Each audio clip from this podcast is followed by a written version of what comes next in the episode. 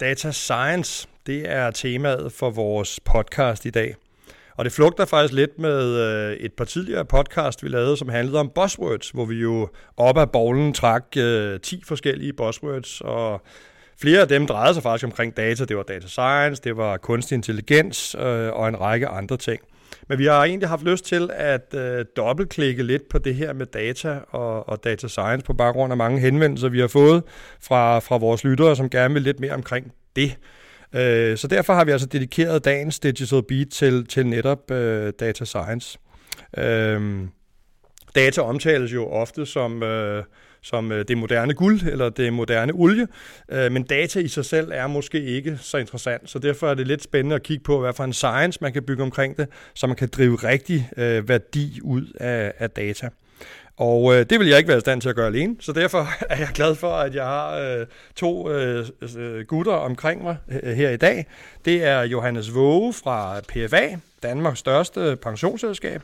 Du er senior data scientist. Rigtig hjertelig velkommen til dig, Johannes. Tusind tak. Og øh, så har jeg også en, en egen kollega med, øh, jo Jannik Stolzenbach Jensen, som er corporate entrepreneur i, øh, i øh, NIT. Flot titel, og vi kommer lidt tilbage til, hvad der egentlig ligger i det, når yes. vi kommer lidt længere frem. Men velkommen ja. til, Jannik. Tak skal du have, Lars. Øh, jeg glæder mig til at dykke ned i data science øh, med jer to. Øh, I har, I har stærke erfaringer på området, og I har også øh, faktisk været i et samarbejde, øh, en IT PFA, som har været sådan lidt moderne. Et nyt, endnu et buzzword, co-creation, har, har været lidt på banen her. Så det og meget andet glæder vi os til at debattere senere i dag. Data science er jo et begreb, som er kommet op øh, mere og mere sådan i, øh, i nyere tid. Men data har vi jo altid haft. Øh, og øh, Johannes, du har været en, en to, snart tre år i, i PFA, så jeg kunne godt tænke mig at starte ud med, hvordan du oplevede, at man arbejdede med, med, med data i PFA som, som eksponent for en sådan en typisk virksomhed, øh, den, mm. dengang du kom til som, øh, som data Klart. scientist? Ja, altså PFA er jo en gammel virksomhed, mm. øh, 102 år tror jeg, vi fylder i år. øh, så der er selvfølgelig om en stor kundebase, som du også siger, 1,2 millioner danskere. Øh, så vi har selvfølgelig meget data. Vi har data på vores depoter, vores poliser, vores kunder, men vi er også et forsikringsselskab, så vi har også meget data på vores kunders agering og gøren i forhold til de forsikringsprodukter, vi udbyder. Og det har vi jo altid haft. Det er jo ikke en ja. ny ting. Nej, øh, det, det har man jo haft lige siden man havde hulkort og magnetbånd og en masse skriftlige akter, som lå i store kasser i kælderen. Øh, så er der selvfølgelig sket en digitalisering op igennem de sidste 30, 25, 30 år. Øh, men, men data som koncept er ikke noget, som, som er nyt for PFA. Og jeg, jeg synes egentlig, PFA, da jeg kom, havde godt tjek på data. Jeg synes, mm. der var en god governance omkring data. Øhm, og nogle gode, måske meget heterogene og meget forskelligartede øh, kilde-datasystemer, fordi man jo havde, havde bygget en portefølje op øh, af forskellige produkter. Så der var selvfølgelig noget, som mange gamle virksomheder lider af, øh, på godt eller mest på ondt, ja, som er ja, meget legacy, men, men egentlig overordnet ret godt tjek på data, i hvert fald hvis man sammenligner sig med andre selskaber af samme størrelse og samme alder. Ja. Men det, som man ikke gjorde i måske så stor grad, som, som man kunne, jamen det var at basere beslutninger ja. på data. Ja. Det er klart, der er nogle beslutninger, man, man, man har baseret på data i forhold til øh, forsikringsvidenskab, øh, aktuariatet, mm. sådan nogle ting. Der. Det er klart, det er selvfølgelig datadrevet i forhold til prissætning, øh, nogle af de mere forsikringstekniske ting. Men det her med i kunderelationen, i det mere kommercielle øje med, øh, og produktudvikling, og marketing, og alle de her ting, at bruge data til at, at underbygge de beslutninger, man tager, og til at effektmåle, hvad er effekten af forskellige initiativer, forskellige produkter, de her ting. Det er ikke noget, som, som jeg oplevede var sådan en, en hvad skal man sige, en indgroet disciplin, der var... Nej, nej. Noget det er science-elementet, der er Science-elementet, lige præcis. Ja, ja, ja. Så det der med at lave forsøg, ja. design of experiments, øh, bruge videnskabelige metoder, hvorvidt de er statistiske, eller om det handler om reproducerbarhed, eller at replicere ting osv. osv. Så det med at bruge lige præcis science-elementet, og det behøver ikke være machine learning, eller deep learning, eller craziness. Det kan også bare være helt normale statistiske modeller, eller eller alle de forskellige redskaber, vi har i den videnskabelige værktøjskasse, ja. til at sikre, at, at man tager beslutninger ud, ud fra et grundlag, hvor man rent faktisk kan, kan have en anden form for konfidens i, at, at det virker. Ja, lige præcis, lige præcis. Så det var nok det, som jeg så som det største potentiale i forhold til, øhm, til, til data science. Et andet stort potentiale, som jeg også tror mange virksomheder, ligesom PFA, øh, måske ikke lider under, men i hvert fald, i hvert fald har, jamen det er sådan en form for dissemineret et dissemineret proceslandskab. Det vil sige, mm. at man har en masse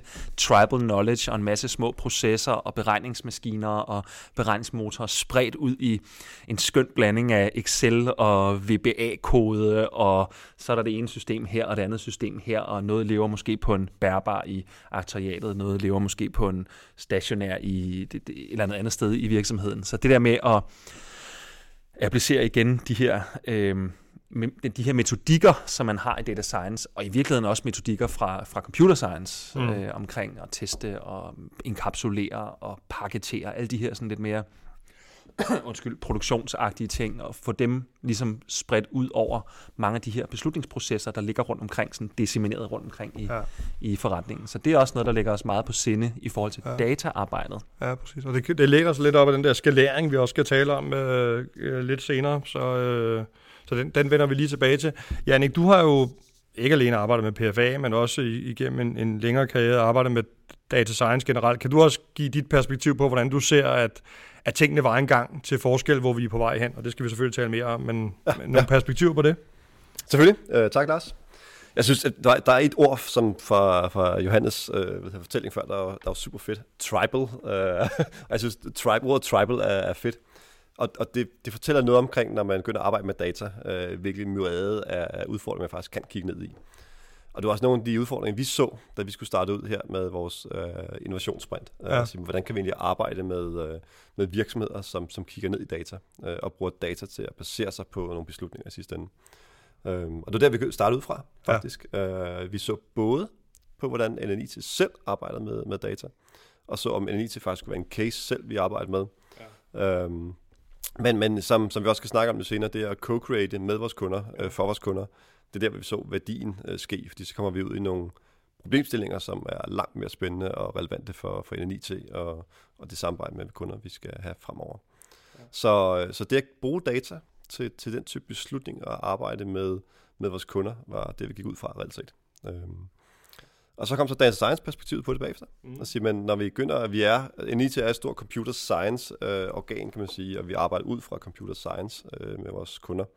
Øh, men det at tage en, en anden disciplin som data science øh, og koble sammen med de klassiske dyder fra computer science, øh, det var der, vi synes, det kunne blive rigtig relevant, og i den grænseflade imellem øh, de to øh, discipliner. Øh, så det var egentlig det, vores udgangspunkt var for at begynde at snakke omkring øh, data science. Ja. Jeg tror også, når man snakker med, med andre folk rundt omkring i byen, der laver data science, så tror jeg, der er rigtig mange data science afdelinger, der netop lider under, at de, jamen, de kan godt finde ud af at lave lidt data science, de kan godt finde ud af at lave noget eksploration, nogle, måske nogle modeller, men, men de har slet ikke den værktøjskasse, som, som kommer fra computer science i forhold til, jamen, hvordan får jeg gjort det her robust, hvordan får jeg det testet, hvordan får jeg sikret, at den dims, jeg har her, også fungerer lige om lidt, eller derovre, eller øh, når, når jeg kalder den med noget andet data. Så alle de her best practices inden for, for de discipliner, som kommer fra computer science, DevOps, øh, alle de her ting, øh, for dem ligesom integreret ind i data science. Det, det har virkelig været en, en vigtig ting for at kunne skalere det. Ja. Og det, det er vel også fair at sige, at noget af kimen til, øh, til vores samarbejde, NIT og PFA, det kommer også ud af den situation, at, at det at arbejde med data er ligesom med mange andre nye spændende ting, øh, noget som rigtig mange er gået i gang med sådan lidt på POC-niveau, øh, men der, hvor man så rigtig skal applicere det, så det får stor forretningsmæssig værdi, det kræver en anden skala, og så melder der sig nogle andre discipliner, som man også skal have styr på. Og det er jo sådan set også den løsning, vi så lidt kommer tilbage til, jeg kan forstå, I har lavet sammen, mm. øh, som jo så egentlig forsøger at tage armtag med. Ikke? Men inden vi når dertil, Jannik, så var det jo sådan, at øh, du og Johannes, I blev sat i et rum, vi sidder faktisk i rummet lige nu, hvor I, I mødtes, og hvor I skulle co-create sammen, og det skete under vingerne af et, et big-program, som øh, NIT kører. Kan du ikke lige sætte et par ord på kort, hvad det går ud på, det der big-program der? Jo, helt sikkert, Lars. Et, uh, et big program, Business Innovation Growth, uh, som, som det egentlig står for, uh, er et organ, uh, en metode i NNIT til at forretningsudvikle med. Mm. Uh, jeg var med, vi har kørt to, to runder. Det er anden runde, den vi kører her. Uh, og i, i forbindelse med første runde, uh, var jeg selv med til at også pitche en idé der, som jeg synes, vi skulle give gas på. Uh, og så her der anden runde meldte sig så så jeg også, at jeg synes virkelig, at det, her, det er et organ til at lave Du vil simpelthen give op? Nej, jeg vil give op. Jeg fortsætter. jeg er pisse til Lars, så jeg fortsætter. det er fedt. Ja. Nej, hvad hedder det? øh, Men det, jeg gør tingene på en anden måde, det er basalt set. Øh, Det er at arbejde med forretningsudvikling på en anden måde end klassiske stage-gate-modeller. Øh, Hvor vi her i stedet for får øh, funding, øh, og vi får nogle måneder til at arbejde øh, med, øh, i sprints i bund og grund, men arbejde med et nyt område inden for en IT i forhold til en forretningsudvikling. Og det er så der, hvor at, at emnet var data science i det her tilfælde. Ikke? Ja. Og det at skalere, altså gør det muligt at få endnu mere værdi ud af ens data science arbejde, eller helt praktisk ens data scientists. Yes. Jeg synes, ba- bare for at tage lige den, jeg synes, det er en rigtig god historie i det faktisk. Fordi vi var jo i perioden, da vi skulle udvikle vores øh, produkt her, jamen, der var det også det at finde ud af, hvad skal vi egentlig kalde det? Hvad skal vi kalde barnet? Øhm, og der var alt fra for at ignite data science øh, hos vores kunder til at skalere det hos vores kunder.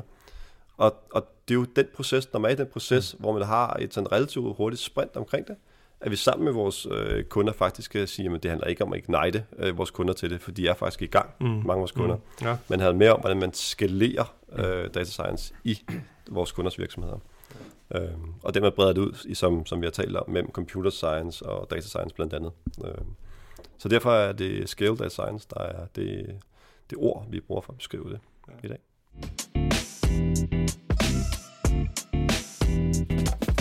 Og vi kommer lidt tilbage til, hvad, hvad Dimsen så gør, kan man Mhm. sige, eller den metode, det koncept, de sammen har udviklet.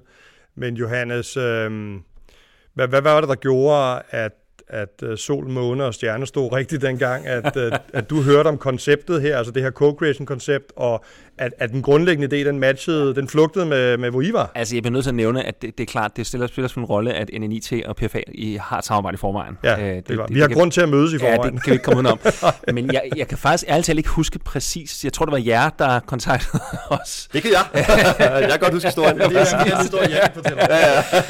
men, men jeg tror, grunden til, det kan vi måske komme tilbage til præcis, hvad, hvad, hvor vi lige øh, mødtes første gang der, men øhm, jeg tror, grunden til, at det flugtede godt med vores ligesom, modus operandi, var, at ja, hvor lang tid var der gået? Der var jo gået halvandet år eller sådan noget. Vi havde været i gang halvandet år i, i vores team, Ja. undskyld, og, øhm, og havde opereret lidt som sådan en, den, den, den, den øh, hvad skal man sige, uartige dreng i klassen et stykke tid. Øh, øh, det er jo en, en stor virksomhed, PFA, med et, et stort IT-apparat, der man passer på 700 millioner danske kroner, milliarder danske kroner.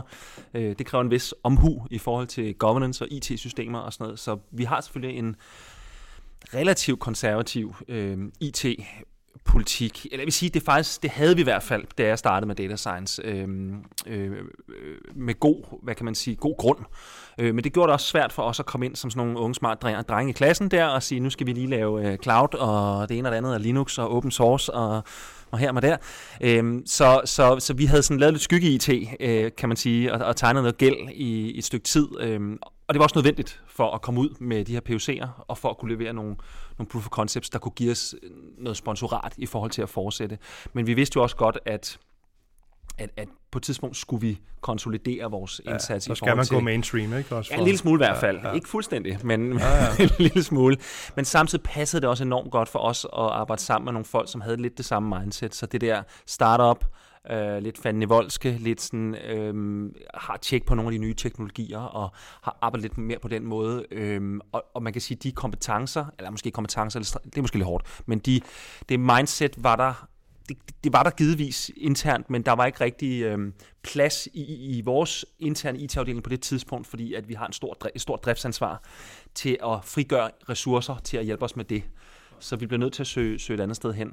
Og så havde vi gjort os en masse tanker omkring, øh, hvordan fanden skal vi øh, undskyld, øh, gøre det her med et Center of Excellence og skalere data science. Mm, mm. Og havde en masse gode idéer, men havde også brug for en validering og en, ja. en sparring i forhold til at få, få om ikke andet, så øhm, raffineret det Ja. til noget, øh, så det ikke kun kom som sådan et internt skub, men også, at der var en form for ekstern proces, der havde raffineret og, og, og forfinet produktet ikke? Ja. I co-creation. Ja, lige præcis. Så det Ja. var sådan, ja, Det er sjovt, det du siger, det der med, at det- I arbejder som en startup, ikke? Ja. Altså her kommer du som repræsentant for en virksomhed, som er 100 plus Ja. år gammel, og en IT er, er også ja. Omkring de 30, ikke? yes. Øh, Men så alligevel, man, er man i så etablerede strukturer, ja. kan finde øh, startup-gnisten øh, ja. frem, og så organisere sig på en måde, så man faktisk kan arbejde ja. og, og drive de benefits, som en startup jo kan på den ja, agile front og fritænkning og alt muligt andet.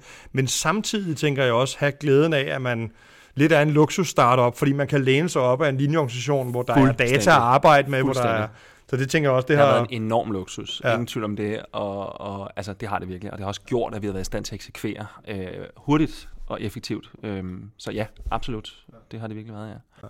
Du har vel også været glad for forløbet, Jannik, tænker jeg? Øh, nej, overhovedet ikke. så, jo. så kom det ud. ja, præcis, Lars. Ja. Jo, for søndag. Øhm, lige for at følge op på historien ja. omkring, hvordan vi egentlig startede ud. Øh, for jeg synes faktisk, der er en, en super god historie i det. Øhm, personlig netværk, relationer, Mm. Øhm, som selv sagde, Lars, vi er luksus startup, så, så vi har selvfølgelig et stort netværk, af, af, der taler med vores kunder løbende øh, i dagligdagen. Men det var faktisk ikke via det netværk, som, som vi skabte relationen på. Det var på et mere personligt niveau. Så en af de deltagerne i, i mit team, øh, live, mm. jamen, han havde en relation til, til Johannes. Øh, de har talt sammen i andre forbindelser. Og det var faktisk den vej igennem, at vi skabte den relation, hvor vi siger, at vi er i gang med vores innovationssprint herude. Øh, skal vi ikke prøve at gå den vej sammen? Øh, og, vi har haft og snak om noget Docker eller sådan noget i ja, 2017, det er rigtigt, præcis, Red Hat. Præcis. Eller, ja. øh, så der var nogle forbrænder, hvor vi har talt sammen, altså, ikke? Mm. Øh, og så piller vi selvfølgelig ud af vores værktøjskasse de relationer, vi ved, vi kan bygge sammen med øh, på, på for eksempel den offering, Skill Data Science. Øh, så det var faktisk det, der gjorde det. Ja, vi, var ikke, vi var ikke rigtig klar, kan jeg huske, første gang vi snakkede sammen, det er 17 der, så der skulle lige gå et stykke tid, før vi havde lidt mere modenhed til ja. Øh, ja, at gå i gang. Øhm, ja. hvor, lang tid, faktisk... hvor lang tid spændte det så over, fra I rigtig gik i gang til I stod med et... Øh... Halvt år, vil jeg sige, eller sådan noget. Passer det ikke meget godt? Fire, jo, måneder, fire jo, fem måneder og sådan noget, ja. Men med løbende sådan MVP-leverance undervejs, så vi... Yes. Ja. Jamen, der er ingen tvivl om, når, når vi arbejder i et, et sprint, øh, og i en, en periode over 3 til fire måneder, jamen, så er det selvfølgelig baseret på, på et produkt, man kan vise noget minimalt med. Mm. Øh, så derfor var MVP'er øh, noget, vi helt klart arbejder med, øh, arbejder videre med faktisk stadigvæk. Øh, så helt klart, MVP er en god tilgang til at, at vise værdi øh, for vores kunder. Så ja. Perfekt.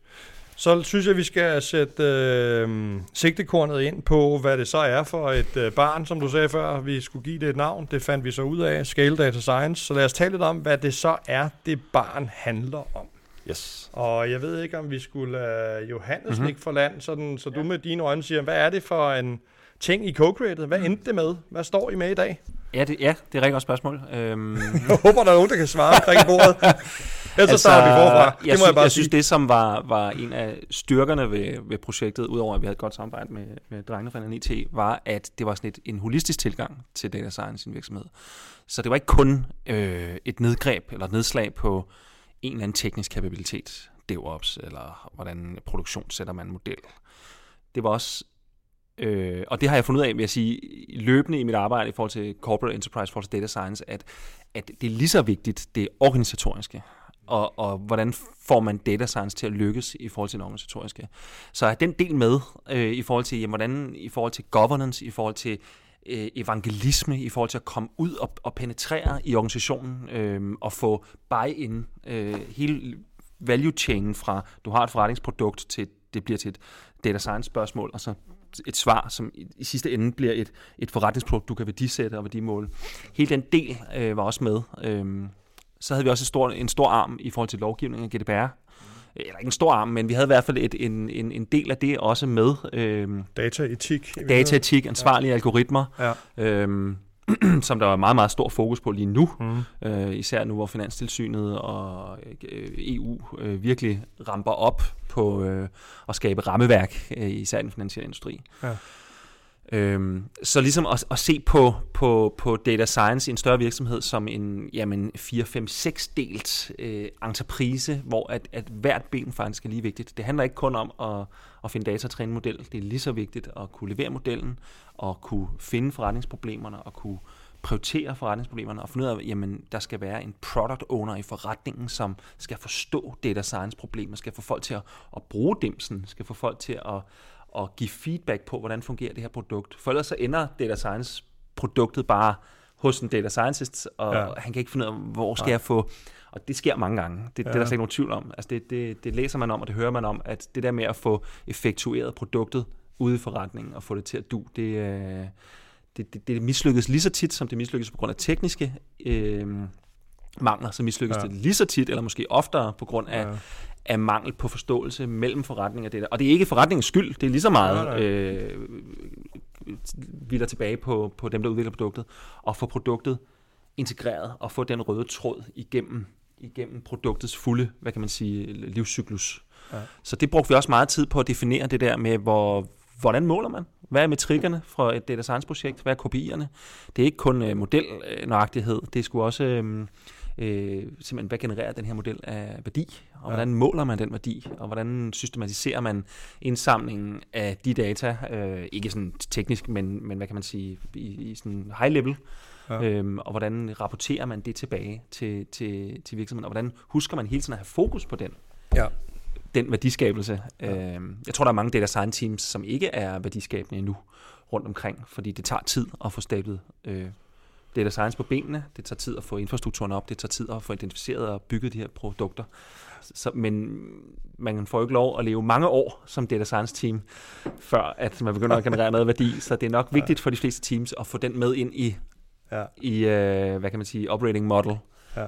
uh, og, og, have, og have fokus på at og, og fremstille og, og disseminere den værdiskabelse, der sker. Ja, det giver, det giver ja. I den kontekst giver det jo super god mening, at jeg har lagt så meget vægt på ordet scale eller skala, fordi det er jo, yes. og, og, at man så i øvrigt skal fyre på alle 4-5 mm. cylindre mm. for at få den ja. fornødne skala, fordi så kan du ende med, at du sidder med et eller andet et hygge POC, som, som folk synes isoleret set er interessant, men giver det i virkeligheden noget sådan ja. substantiel værdi. Og, det er og, måske... jeg, og jeg kan mærke efterhånden, som jeg bliver mere moden i min, øh, hvad kan man sige, data science karriere, og den, hæng, og den, den kommer til at, hvad kan man sige, mit forløb kommer til at være lidt mindre øh, hands-on teknisk, og måske ja. lidt mere strategisk, så, er det noget, der går mig mere på, øh, bekymrer mig mere, det der med skalering på det organisatoriske, ja. øh, end, end, egentlig mere end det tekniske, fordi der er, der er sgu så mange muligheder i dag, og det, ja. øh, det skal selvfølgelig også være på plads, det er klart, og det er ikke let Nej. at få det til at, og det brugte vi også tid på, skal det ja, jeg synes, jeg synes faktisk bare, for, bare lige for at tage den med, med det samme, ikke? Jo. Øh, vores, vores baby består af flere ting,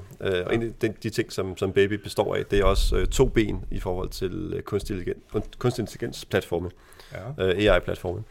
Og der var sådan, da vi øh, ligesom skulle starte vores samarbejde op, der var helt klart også at sige, at Johannes var meget specifikt, det her handler ikke om, at vi skal udskiftes vores øh, nuværende AI-platform kære venner. Og det var ligesom der, hvor, hvor man siger, hvor, hvor er vi, når vi kommer som team for NNIT, fordi det er jo en klassisk ydelse for NNIT, at vi kommer og leverer platform til vores kunder. Øhm, det kan vi også godt her, men det var egentlig ikke det, der var outsættet, uh, offsettet til, til den snak, vi skulle have sammen med, med Johannes. Fordi har, PFA har en, en AI-platform i dag, så er det selvfølgelig den, vi bygger videre på. Øhm, og derfor handler det langt større grad om, hvordan man organisatorisk får forankret øh, data science og den værdi, det kan give i sidste ende ja. øh, i PFA.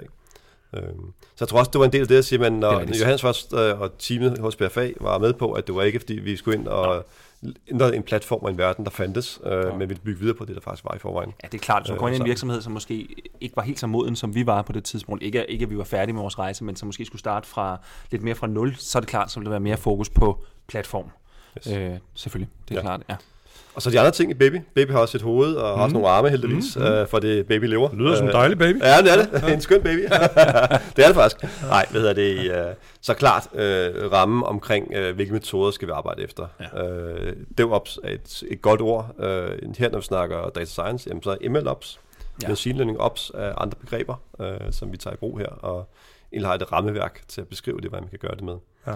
Og det er noget så basalt som øh, roller og ansvar mm. øh, i en virksomhed. Øh, hvem har hvilket ansvar? Hvilket ansvar tager IT for at drifte en platform? Hvem så ansvaret for at vedligeholde en model? Øh, giver, øh, giver modellen værdi i sidste ende? Øh, giver den ikke værdi? Skal vi slå den ihjel? Klar. Skal vi gøre noget andet? Ja. Øh, så det er del af et uh, øh, MLOps uh, ramme rammeværk. Ja. Og der var en af de ting, som i forlængelse af det, Jens en af de ting, som, hvor vi virkelig gravede ned, øh, var det her skisme mellem, jamen her har vi en forretningsdisciplin, som som er en forretningsdisciplin, øh, og måske i mindre grad en IT-disciplin, men en forretningsdisciplin, der betjener sig af meget stor, eller har en meget stor afhængighed på en meget specifik tech-stack, og nogle meget, hvad kan man sige, IT-agtige øh, ting, men som man gerne vil have tættere på forretningen, fordi at, at det er nogle andre øh, iterationshastigheder, og nogle andre, øh, hvad kan man sige, man har nogle andre forventninger til frekvensen, hvor vil man vedligeholder eller ændrer sin platform. Og det kan være svært i klassisk IT med change management og så videre, så videre.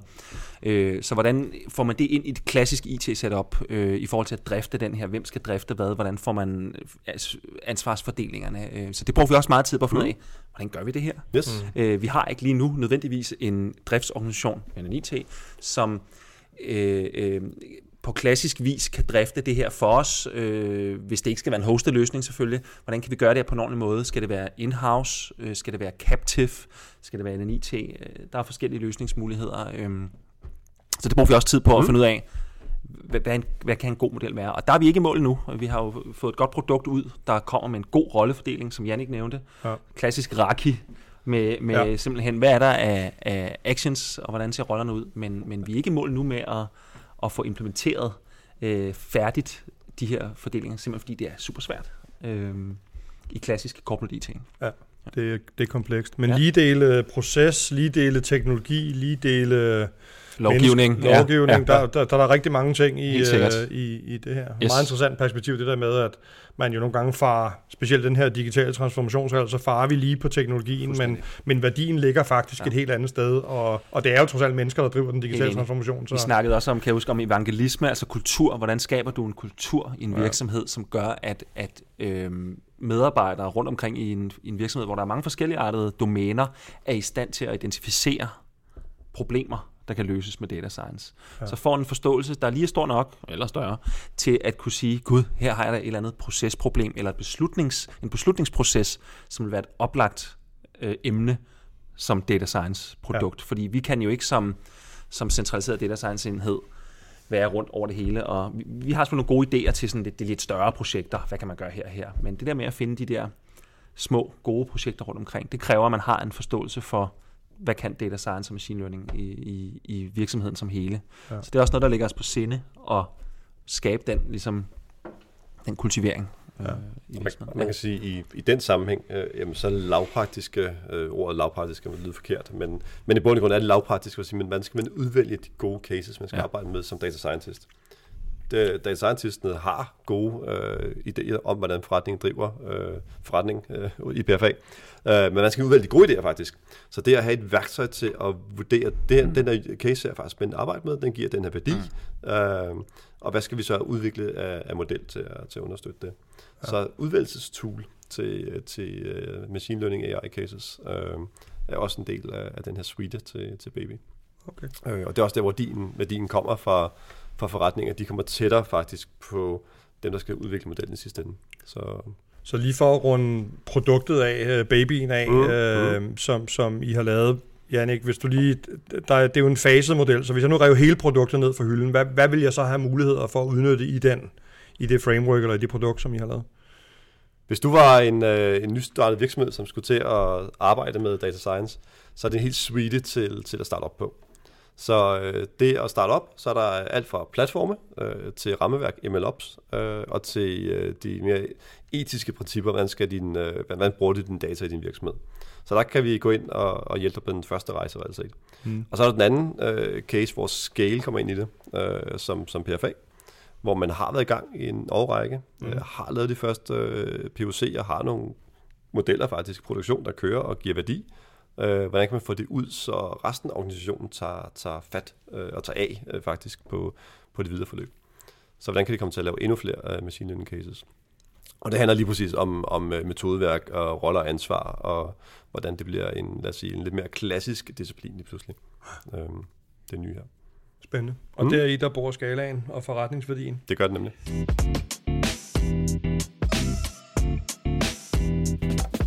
Mm. Og, og lad os blive lidt på værdisporet her i, øh, i, i det sidste segment og tale lidt om, jamen, hvad er det så for noget værdi, vi øh, man rimelighed kan forvente at få ud af, af, af babyen og, og det her produkt her. Og der, der kigger jeg så på dig først, Johannes, for jeg tænker, at I har nogle tanker om, hvor det er, at den her løsning kan drive værdi for, for, for PFA og PFA's kunder og, og så fremdeles. Så hvor, hvor er det, I kigger hen for at se, jamen her kommer der til at forandre noget til det bedre?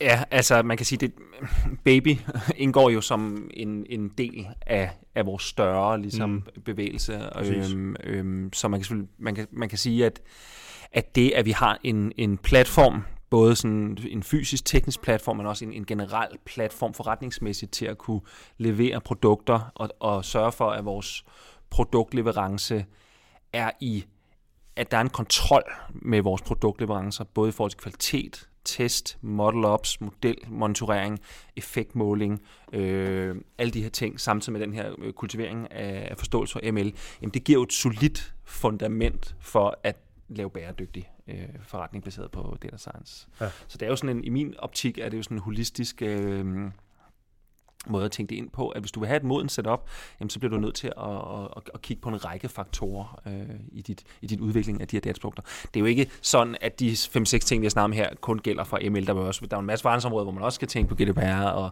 oh, også ja. skal tænke på test, og tænke på DevOps og sådan noget, men, men specifikt for, for, for machine learning data science, der, der er i hvert fald de her 6-7 ting, som, som vi i samarbejde med, med Jens Hold har, har fundet ud af, at det, det, det skal man i hvert fald have på plads øh, ja. i større eller mindre grad for at kunne gøre det her. Ja. Så, øhm, så, så det, det, det, det er en forudsætning for at komme videre fra de små sjove eksperimenter til ja. at kunne få det ud og leve i skala. Og vi vil jo gerne i sidste ende kunne levere øh, modeller og løsninger, data science løsninger, som, som rammer kunderne så bredt som muligt, der hvor det giver mening, ja. øh, når de besøger vores øh, portal øh, og ringer ind til os, skriver en henvendelse. Øh, de kanaler, hvor kunden er i kontakt med os, både øh, reaktivt, altså hvor de, hvor de ringer eller skriver, men også proaktivt, hvor vi kontakter kunderne.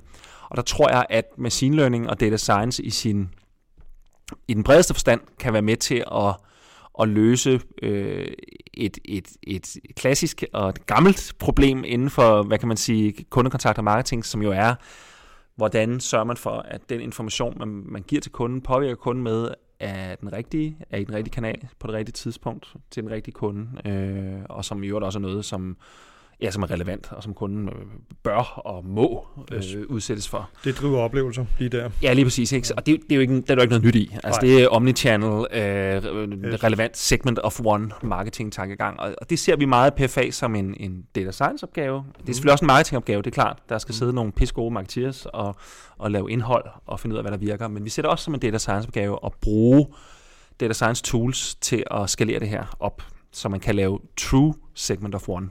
Øhm, for ellers så, så, så bliver det en lineær ansættelse af, af marketingsfolk, hvis man vil ramme alle kunderne.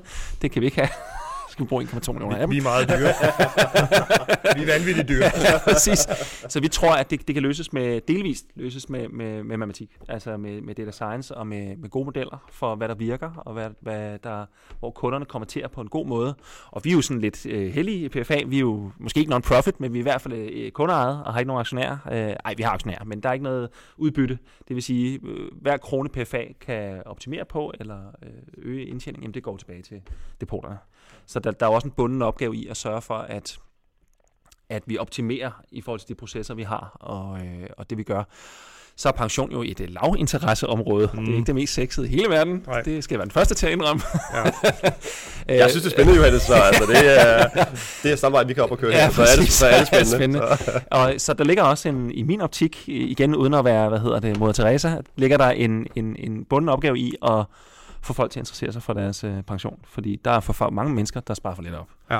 Øh, og det er jo et, et, et mærkeligt øh, øh, finansielt miljø, vi står i lige nu. Mm. Og med pensionsalderen, der kommer til at stige, og flere og flere folk, der skal blive på arbejdsmarkedet, men også samtidig flere og flere, der får, der får stress øh, og andre. Og vi lever længere og længere. Og vi lever længere.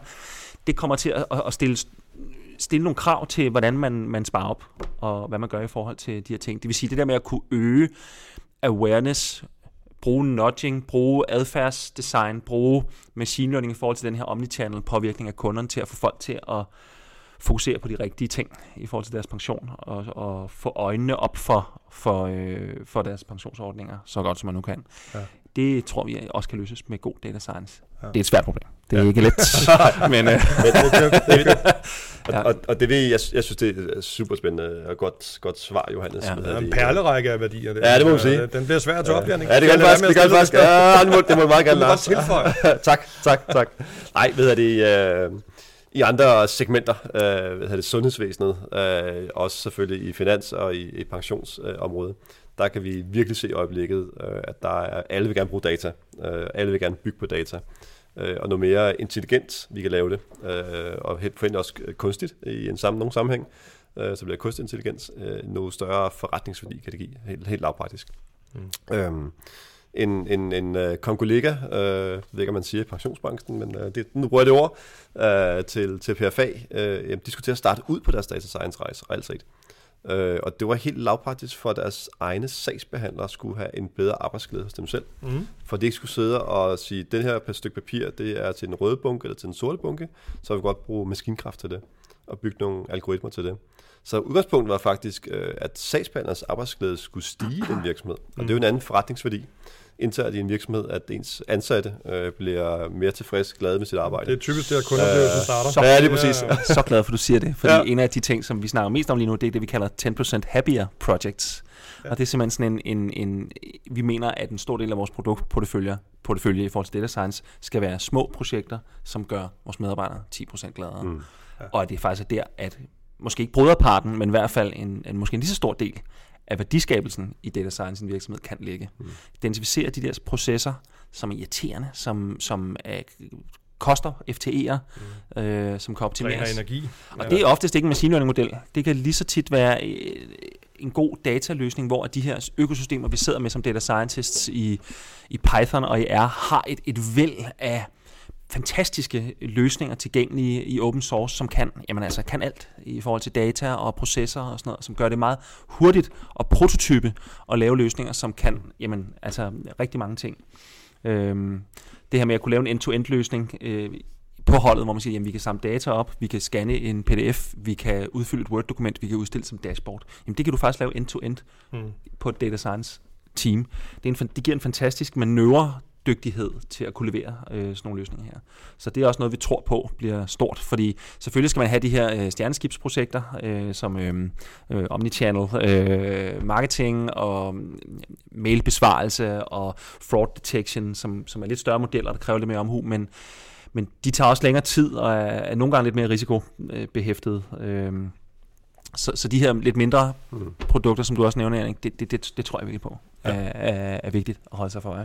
Og, og man kan sige, ja. meget, det er rigtig godt at, at høre Johannes. Og i den anden ende af skalaen, så er det ude i produktionslinjer på fabrikkerne, hvor de skal lave billedgenkendelse på øh, den indpakning, der nu ligger på nogle piller for eksempel. Mm. Øh, hvor man også bruger intelligens til faktisk at tjekke og billedbehandle med.